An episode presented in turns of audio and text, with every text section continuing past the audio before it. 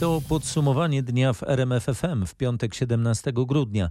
Temat dnia dezercja na granicy. Grzegorz Jasiński, zapraszam. Zaczynamy jednak od najnowszych informacji dotyczących pandemii. Dzisiejsze dane resortu zdrowia mówią o stopniowym opadaniu fali zakażeń, ale też utrzymaniu się bardzo wysokiej liczby zgonów. W ostatnim raporcie było ich 566. Dane mówią o 22 097 nowych przypadkach koronawirusa, co potwierdza, że nie tylko ich nie przybywa, ale wyraźnie ubywa. Wczoraj nowych przypadków było 22, a przedwczoraj 24 tysiące. Stopniowo dziś do niespełna 23 800 spada liczba pacjentów z COVID w szpitalach, a także liczba zajętych respiratorów. Dziś jest ich 2106. Przebieg pandemii wkracza więc w najgorszą fazę, utrzymującej się ogromnej liczby zgonów. Blisko 600 zgonów i 70, ponad 72% z tych zgonów są to osoby niezaszczepione. Mówi rzecznik resortu zdrowia Wojciech Andrusiewicz. W ciągu ostatniego miesiąca w związku z koronawirusem zmarło ponad 11 tysięcy osób. Podsumowywał Tomasz Skory. Mamy kolejny przypadek koronawirusa w wariancie Omikron u trzylatki z Warszawy.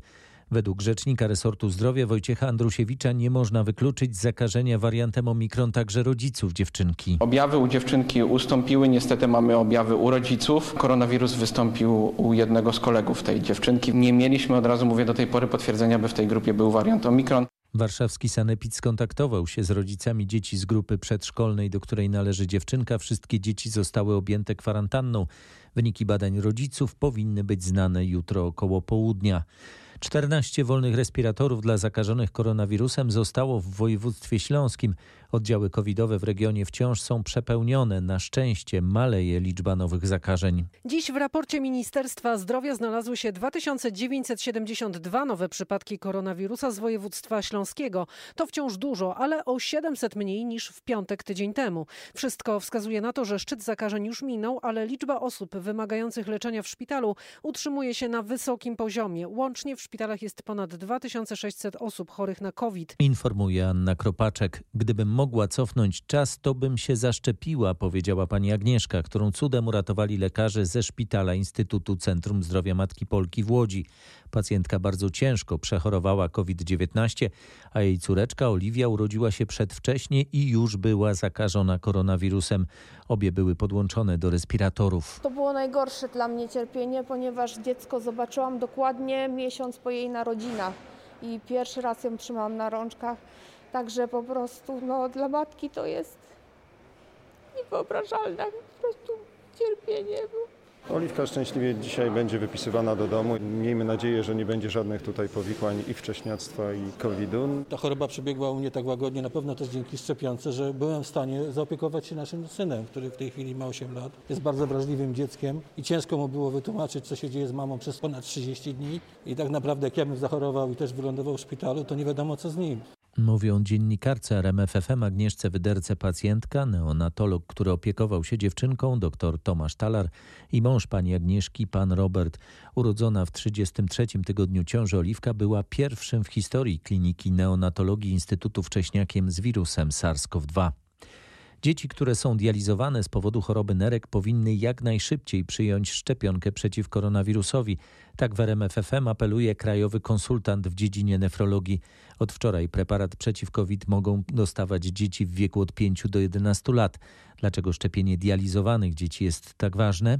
Te dzieci mają bardzo obniżoną odporność. Krajowy konsultant profesor Ryszard Gellert podaje, że wśród dializowanych dorosłych dzięki szczepieniom umieralność już obniżyła się do poziomu sprzed pandemii. W tej grupie dawką podstawową zaszczepionych jest ponad 90%, a dodatkową trzecią 60% pacjentów. Lekarze liczą, że równie popularne szczepienia będą wśród dializowanych dzieci. Pamiętajmy, te dzieci muszą się rozwijać, muszą być zabezpieczone przed chorobą, a COVID wycieńcza nieprawdopodobnie. Nefrolodzy podkreślają, że szczepionkę można przyjąć w dowolnym momencie, także w trakcie procesu dializ. Tu nie ma żadnych dodatkowych warunków. Informuje nasz reporter Michał Dobrołowicz. Zachęcam do tego, by się zaszczepić. Tych, którzy zaszczepili się dwukrotnie, zachęcam do przyjęcia dawki przypominającej. Warto się zaszczepić, by zabezpieczyć siebie i swoich najbliższych, powiedział prezydent Andrzej Duda po przyjęciu wraz z małżonką Agatą Kornhauser-Dudą przypominającej dawki szczepionki przeciwko COVID-19. W porządkowaniu przepisów dotyczących pandemii jesteśmy w tyle za Europą. Tak odłożenie prac nad ustawą dającą pracodawcom możliwość sprawdzenia, kto z pracowników jest zaszczepiony, komentuje prezes Północnej Izby Gospodarczej w Szczecinie. Jak mówi Hanna Mojsiuk, grozi to nie tylko kolejną falą zachorowań, ale i lockdownem. Od miesięcy mówi się nam, że jedyną skuteczną bronią w walce z COVID-19 są szczepienia. Przedsiębiorcy nie mają wątpliwości, że tak właśnie jest. Skąd więc taki wielki opór w parlamentarzystach, by przyjąć ustawę, która w gruncie rzeczy nie wprowadza żadnych rewolucji, które warte są tak wielkich kontrowersji i dyskusji? Odwołanie Komisji Zdrowia, przekładanie przyjęcia ustawy o paszportach covidowych na kolejne tygodnie powodują, że powinniśmy witać się już z piątą falą pandemii COVID-19. Prace nad ustawą dającą możliwość sprawdzania paszportów covidowych zostały w Sejmie przerwane, wznowione mogą zostać dopiero po nowym roku. Dowództwo operacyjne rodzajów sił zbrojnych potwierdziło ucieczkę polskiego żołnierza na Białoruś. Przypomnijmy, te informacje RMFFM podał jako pierwszy. Emil Czeczko sprawiał problemy, mimo to przełożeni starali się mu pomagać, mówił generał Tomasz Piotrowski. Żołnierz jednak zdezerterował. Teraz w wywiadach dla białoruskiej telewizji szkaluje Polskę. W tym całym w naszym wysiłku zaczyna kreować się taki obraz, jakoby polskie służby, funkcjonariusze Straży Granicznej, polscy żołnierze, policjanci do, do, y, się jakichkolwiek czynów haniebnych, niezgodnych z prawem, co jest całkowitą bzdurą. Okazało się, że jest człowiek, który w swej nikczemności toczy podwójną grę. I w tej chwili będziemy mieli do czynienia, że przy tych jego obniżonych standardach, przy tych obniżonych standardach reżimu Łukaszenkowskiego będziemy mieli pewnie do czynienia z próbą atakowania nas w sposób nie militarny, ale tym, co jest naszą największą podatnością, czyli manipulowaniem przekazem informacji, otumanianiem nas nieprawdą, Mówi dowódca operacyjny rodzajów sił zbrojnych generał broni Tomasz Piotrowski. Żołnierz, który porzucił służbę tydzień temu, został zatrzymany za jazdę samochodem po pijanemu. Do tych informacji w sprawie żołnierza 11 Pułku Artylerii dotarł nasz reporter Piotr Bułakowski. 25-latek został zatrzymany przez patrol policji na jednej z ulic w Gierzycku na Mazurach. Badanie alkomatem pokazało prawie 1,5 promila alkoholu. Policjanci wykonali też test na obecność narkotyków, który wskazał, że kierowca wcześniej palił marihuanę marihuanę. E, mężczyzna miał wylegitymować się jako żołnierz. Na miejscu nie było żandarmerii wojskowej, ale ta dostała e, dokumentację w tej sprawie. Pytanie więc, jak taka osoba mogła potem znaleźć się z karabinem na granicy? Decyzją ministra obrony narodowej stanowiska stracili przełożeni żołnierza, który zdezerterował na Białoruś. To dowódca baterii, dowódca plutonu i dowódca drugiego dywizjonu w Węgorzewie. Dokładniejszy nadzór nad żołnierzami przyjmowanymi do służby zapowiada generał Piotrowski. Jak jeszcze zareaguje wojsko? Dowódca rodzajów sił zbrojnych chce, żeby żołnierz, który porzucił służbę, został ukarany.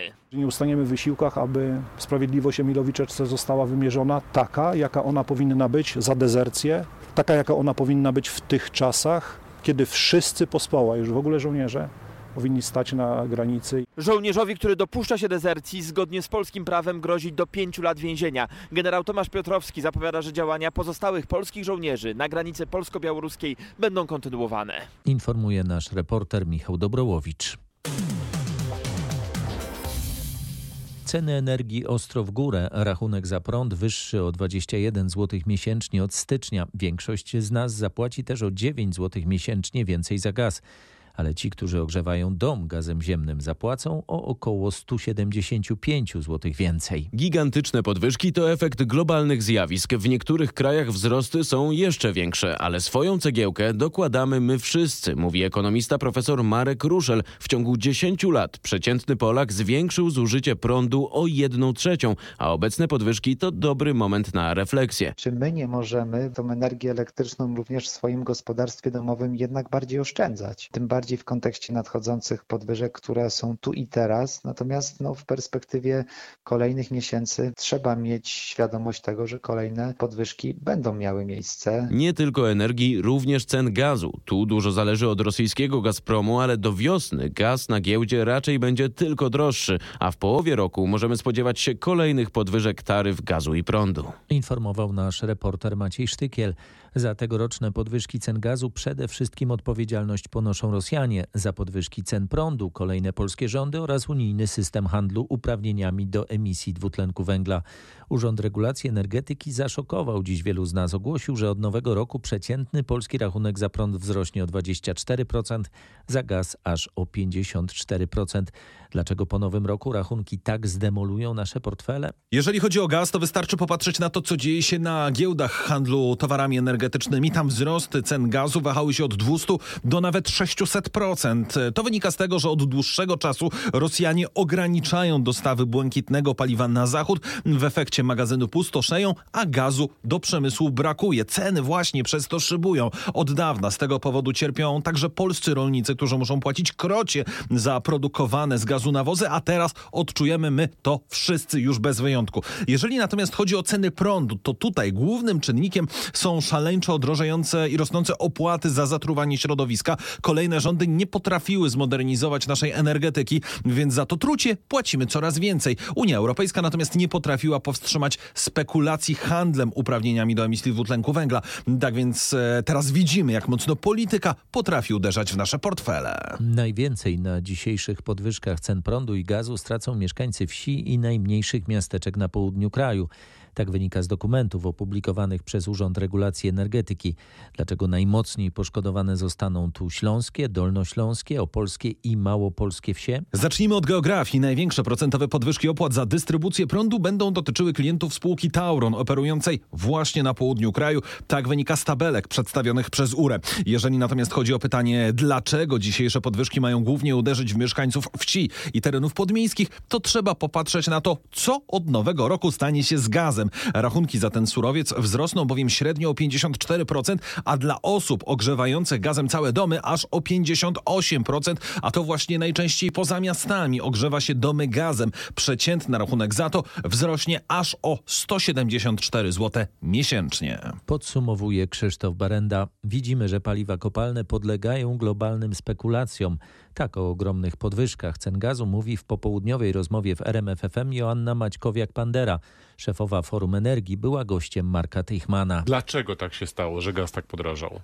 No przede wszystkim dlatego, że y, była wielka panika, emocje wokół pandemii, że teraz już jest koniec i wszyscy będą biedni i okazało się, że wszyscy zaczęli wyciągać ręce po pieniądze i tych pieniędzy bardzo dużo wpłynęło w postaci wsparcia i rynek się po prostu zachwiał i mm, jednocześnie zapotrzebowanie na energię jest rekordowo wysokie. W przyszłym roku ceny prądu i gazu powinny spaść. O skali obniżek może zdecydować pogoda. Teraz właściwie najwięcej zależy od tego, czy przyjdzie, y, czy będzie zima bardzo y, mroźna, czy nie. Jeżeli będzie łagodna, to są analizy, które pokazują, że od kwietnia powinny ceny zacząć spadać. W tej chwili to, te wysokie ceny są związane y, z nałożeniem się kilku czynników, między innymi zimy. Całą rozmowę znajdziecie na rmf24.pl. A jak na te zapowiedzi reagują łodzianie? Wie pan, ile miesięcznie do tej pory wynosiły rachunki za prąd u pana Tak. w domu? Do tej pory to był kosz e, 350 zł. Co miesiąc. Tak, bo jak mówię, to jest też troszeczkę dużo, ale to liczmy, że mam dom piętrowy. W tym momencie koszta, nie mówię, to samo, nawet mniejsze zużycie prądu to jest koszt 550 zł. A po nowym roku będzie więcej. A po nowym jeszcze będzie więcej, więc naprawdę, nie wiem, chyba trzeba się e, żarówką się ogrzewać albo czymś innym. Mam jeszcze gorsze wiadomości, bo gaz pójdzie w górę ponad 50%. Akurat my z butli korzystamy, to wie pani. Trochę, trochę lżej. A jak się wkurzę, to co pani, zobaczy pani ile jest drzew, ognisko na parę w domu. No i no, jak teraz płacimy miesięcznie około 70 zł, no to 20%, no to już jest 84 zł.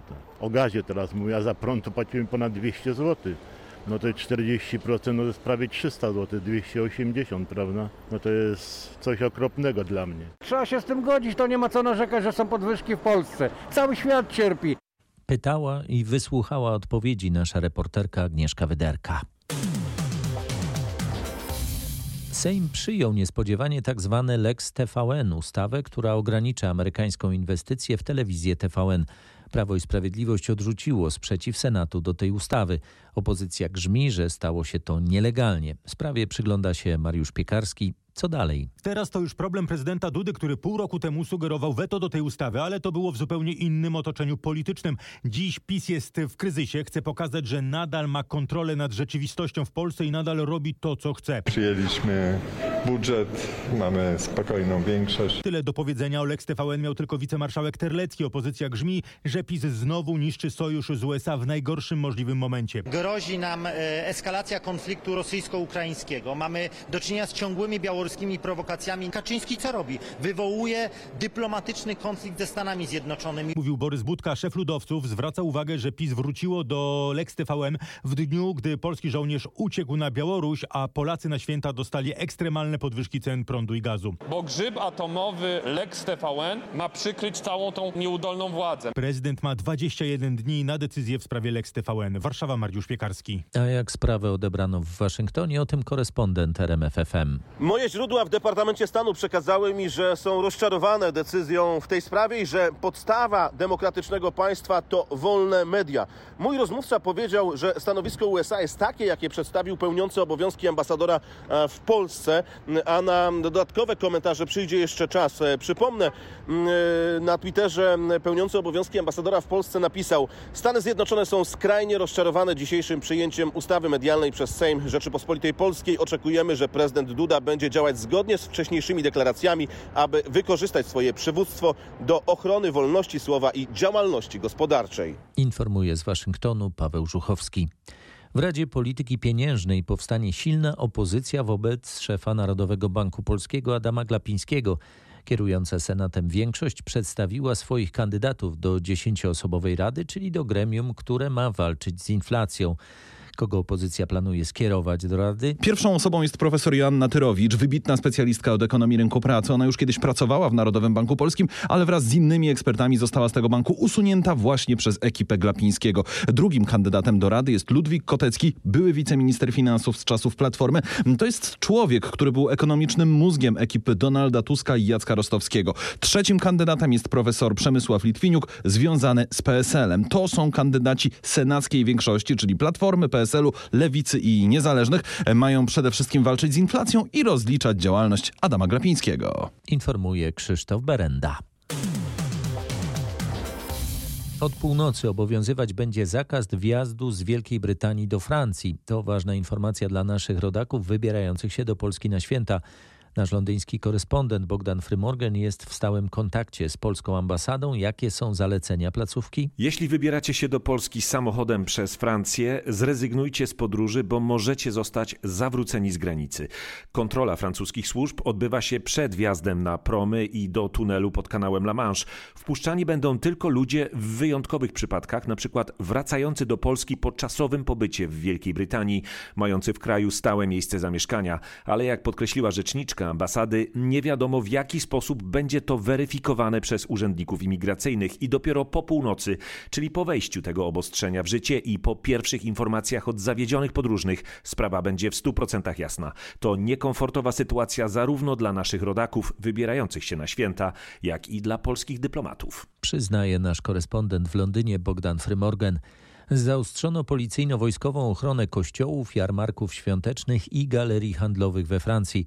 Francuski rząd obawia się ataków islamskich terrorystów w okresie przedświątecznym, a także w Boże Narodzenie i Sylwestra. Szef MSW Gerald Darmanin nakazał, by policyjne i wojskowe patrole przed kościołami, szczególnie w czasie nabożeństw, były jak najbardziej widoczne, by odstraszało to ewentualnych islamskich terrorystów. Podobnie ma być wokół świątecznych jarmarków i galerii handlowych, które wprost oblegane są przez tłumy Francuzów kupujących m.in. prezenty pod choinkę. Sylwestra nadzwyczajnie siły policji chronić mają przede wszystkim rejon pól elizejskich w Paryżu, gdzie już tradycyjnie Nowy Rok witają tłumy Paryżan i turystów, choć nie jest wykluczone, że wprowadzone zostaną przed świętami Sylwestrem dodatkowe epidemiczne ograniczenia. Informuje z Paryża nasz korespondent Marek Gładysz.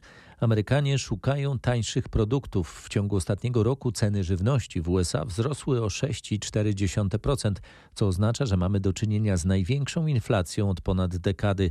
Odbija się to na budżecie domowym amerykańskich rodzin. Jak wynika z najnowszego badania, w którym wzięło udział ponad 14 tysięcy osób, 20% klientów zamierza przestawić się na tańsze marki produkujące żywność, 17% chce zmienić sklep, a 10% będzie robić zakupy rzadziej. 11% ankietowanych nie zamierza zmieniać swoich przyzwyczajeń. Największe sieci handlowe w USA już zauważyły zmiany w zakupowych trendach. Kupujący oczekują większych promocji, odchodzą od znanych marek na rzecz tańszych, które oferują produkty o podobnym składzie. Przy czym w ciągu ostatnich czterech tygodni nastąpił ponad 20% spadek sprzedaży w 100 najważniejszych kategoriach.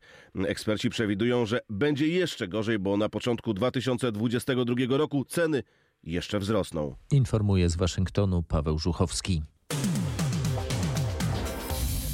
Wraz z Wigilią dla bezdomnych, ubogich i potrzebujących będzie można skorzystać z usług medycznych. W niedzielę na rynku głównym w Krakowie stanie szpital polowy.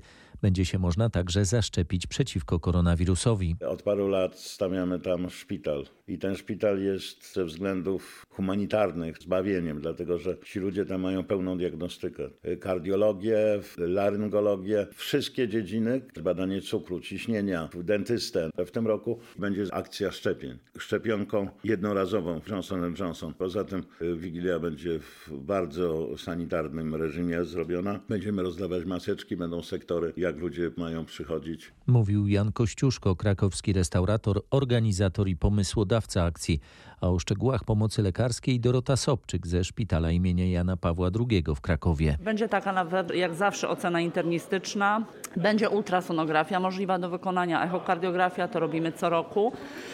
Będzie stomatolog i punkt leczenia ran. Z nowości na pewno będzie taki odrębny punkt oceny dla osób gorączkujących. No i covidowa nowość to będzie punkt szczepień, gdzie będzie można się zaszczepić zarówno jednodawkową szczepionką Johnsona, jak i na przykład trzecią dawką Pfizera.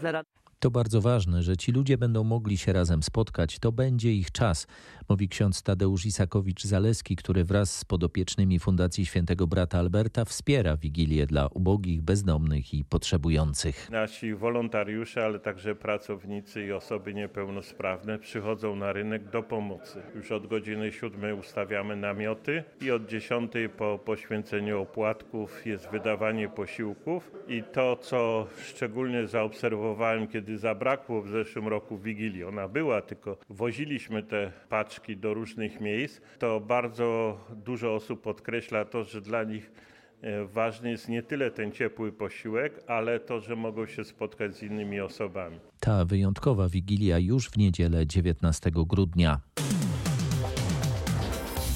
A już za tydzień Wigilia dla wszystkich do Betlejem będzie się można między innymi przenieść dzięki żywej szopce Franciszkanów w Krakowie.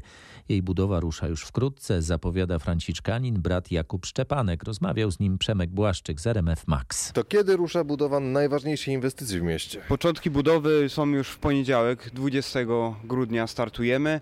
Przewozimy deski i rozpoczyna się budowa szopki. Gdzie będzie stała tutaj tak jak tradycyjnie, tak jak zawsze? Tak, tradycyjnie tak jak zawsze naprzeciwko okna papieskiego. Okej, okay. będą też zwierzątka? Tak, oczywiście zwierzątka będą. Dwie lamy, osiołek i kuc szetlandzki. Będą mówić ludzkim głosem? No zobaczymy, zapraszamy, żeby się samemu przekonać o tym. A jakie będą jeszcze inne atrakcje? Przed nami oprócz zwierząt i świętej rodziny, koncerty takich zespołów jak zespół dziecięcy Jakubowe Muszelki, kwartet CDN i nasz zespół seminaryjny Fioretti. Kiedy te wszystkie wydarzenia tutaj się zaczynają? Kiedy zaczynamy kolędować przy Żywej Szopce? Żywa Szopka rozpoczyna się 20, o 22.30 uroczystym powitaniem gości, a następnie rozpoczniemy koncertem zespołu Fioretti, naszym seminaryjnym i o 24 pasterka w Bazylice Świętego Franciszka. A co dalej z żywą szopką? Do kiedy żywą szopkę będzie można oglądać tutaj, tak? I porozmawiać ze zwierzakami. Program wydarzeń jest przewidziany na 24 i na 25 grudnia, ale także 26 grudnia jeszcze szopka będzie stała, jeszcze będziemy zwierzęta wypuszczać, więc i w ten dzień, drugi dzień świąt zapraszamy do odwiedzania nas. A jak tam u Was przygotowania do Wigilii Świąt? Nasz reporter Krzysztof Kot pytał mieszkańców Lublina, czy wszystko już kupione. Nic nie kupione, bombki, choinka, nic nie przygotowane. Najlepiej jest to robić w Wigilię. Czyli co, tak nic a nic, żadnych przygotowań? Nic a nic. Na razie jest tylko w głowie, co ma być zrobione i jakie ewentualnie prezenty kupić. Czyli co ma być, to będzie, tak? Trochę? Tak jest, no na żywioł. Czyli tak zupełnie, zupełnie? No tak pomysł już jest, a to od tego się zaczyna, tak?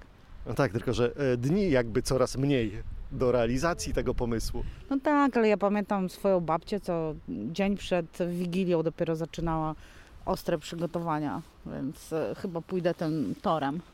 Coś ogarnięte na święta, czy w ogóle nic? No u mnie troszeczkę inaczej, i bardziej organizacyjnie do tego podchodzę. Także prezenty już kupione, choinka już ubrana, e, dom ozdobiony, także jest ok. A co do samej Wigilii, no to najlepsze rozwiązanie, jedziemy do rodziców.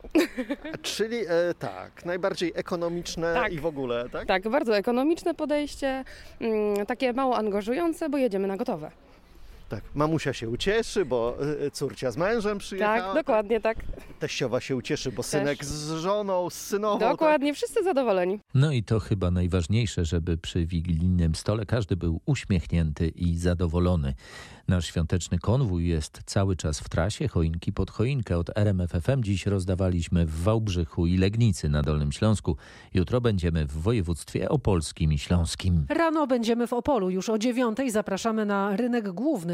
Będzie z nami gwiazda Wiki Gabor. Później świąteczny żółto-niebieski konwój ruszy dalej w trasę. Pojedziemy do Częstochowy. Choinki będziemy Wam rozdawać na placu Biegańskiego od godziny 14. Oprócz świątecznych drzewek, dobrej muzyki możecie spodziewać się konkursów i jak zawsze wspaniałej atmosfery. Zapowiada Anna Kropaczek. Premierę Wesela Figara Mozarta przygotowuje Teatr Wielki w Łodzi. To komiczna perełka operowa, która bawi i uczy, zaskakuje i daje do myślenia. Nie ma w niej zbędnego moralizatorstwa, jest za to przymrużenie oka w dzięk i lekkość. Reżyseruje Robert Skolimowski. Dramaturgicznie budujemy przedstawienie tak, jak to jest u Mozarta, czyli w recytatywach, które są po, po raz pierwszy w Łodzi po polsku, według cudownego spolszczenia wielkiego poety Stanisława Barańczaka, który śpiewa się fenomenalnie. Premiera w Łodzi już jutro, a dla tych, którzy wolą kontakt z naturą, ważna informacja. Na szlakach w Tatrach panują trudne warunki, ostrzegają ratownicy TOPR. W weekend raczej się nie poprawią, za to mogą się wyraźnie pogorszyć. Warunki w tej chwili są trudne i przez weekend też takich musimy się spodziewać. W prognozach mamy dość duże opady śniegu połączone z silnym wiatrem. W tej chwili mamy pierwszy stopień zagrożenia lawinowego, ale ta sytuacja opad plus wiatr może to zagrożenie zwiększyć. Raczej będziemy odradzać wyjścia w wyższe, strome y, partie, bo na pewno będzie bardzo dużo depozytów y, śniegu, z którego łatwo będzie wyzwolić lawinę. Przestrzega ratownik dyżurny TOPR Kamil Suder. Tyle na dziś. Kolejne podsumowanie dnia w RMFFM już w poniedziałek wieczorem. Grzegorz Jasiński, dziękuję, dobrej nocy i miłego weekendu.